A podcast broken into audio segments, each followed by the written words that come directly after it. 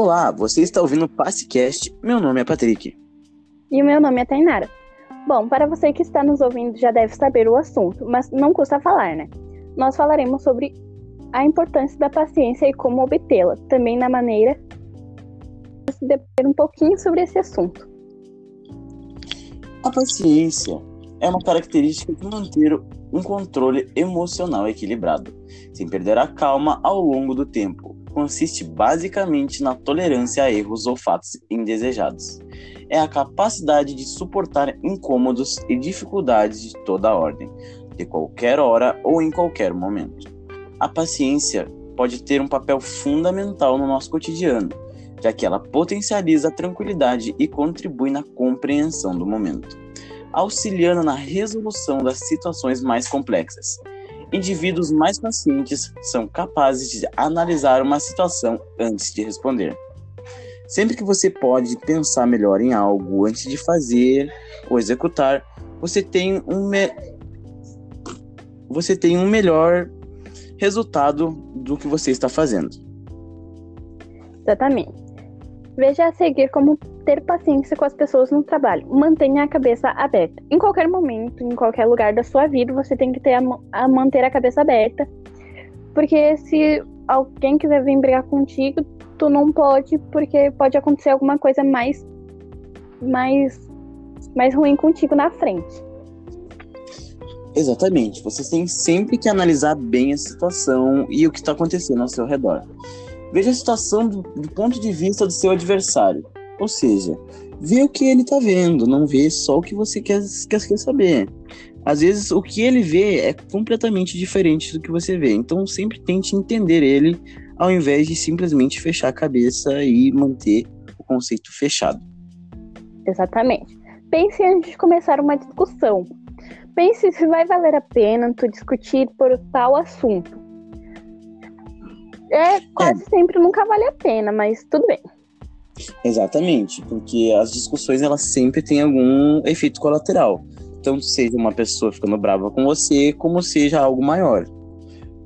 Próximo tópico. Concentre-se no que você pode ganhar com uma convivência saudável. Uma convivência saudável é uma convivência que você não tem muitas desavenças. Ou seja, se você for ter uma desavença, é por algum motivo maior que realmente não teve como ser evitado. Se você é uma pessoa calma, uma pessoa que pensa bem antes de falar as coisas, você não vai ter muitos problemas com isso. Exatamente. A culpa é sempre dos dois. Não, você não consegue brigar com a parede. Você não vai brigar sozinho. Então você sempre tem.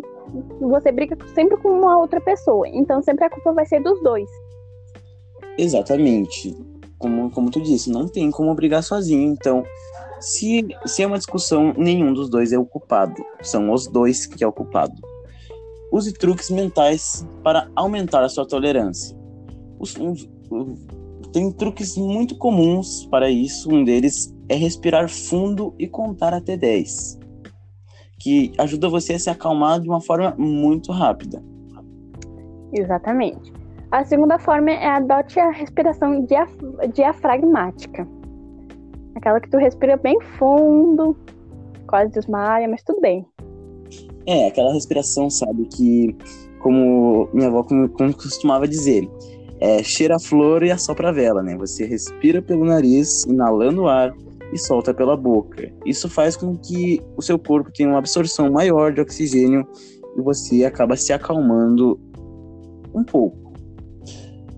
Outra coisa que ajuda bastante para se acalmar é, tome distância da situação para avaliá-la melhor. Vamos supor que você está no seu ambiente de trabalho e lá dentro você se encontra uma situação de desavença com um colega de trabalho seu. Então, em vez de você ficar lá dentro e acabar discutindo com ele ou brigando, você sai para fora, pede licença, diz que vai sair, e lá fora você se acalma, você executa as outras duas dicas, respira, conta até 10, respira fundo e tenta se acalmar. Exatamente. Evite conversas e pessoas negativas. Se uma pessoa tá vindo falar alguma coisa para ti que não é construtiva, tu pega e sai de perto, vá para algum lugar onde você fique calmo e tenta esquecer tudo isso. Exatamente. Se você sabe que você vai brigar com a pessoa porque ela é negativa ou porque ela é tóxica, você evita ficar perto dela.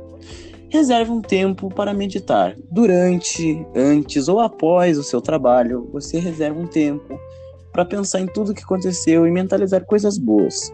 Assim você pode se acalmar e ter melhor absorção de tudo que aconteceu no seu dia. Isso.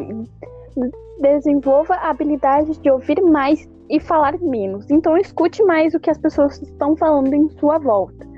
Não, não, não fale qualquer coisa sem ouvir o que a outra pessoa está te dizendo. Vai que você faça coisa errada e é isso.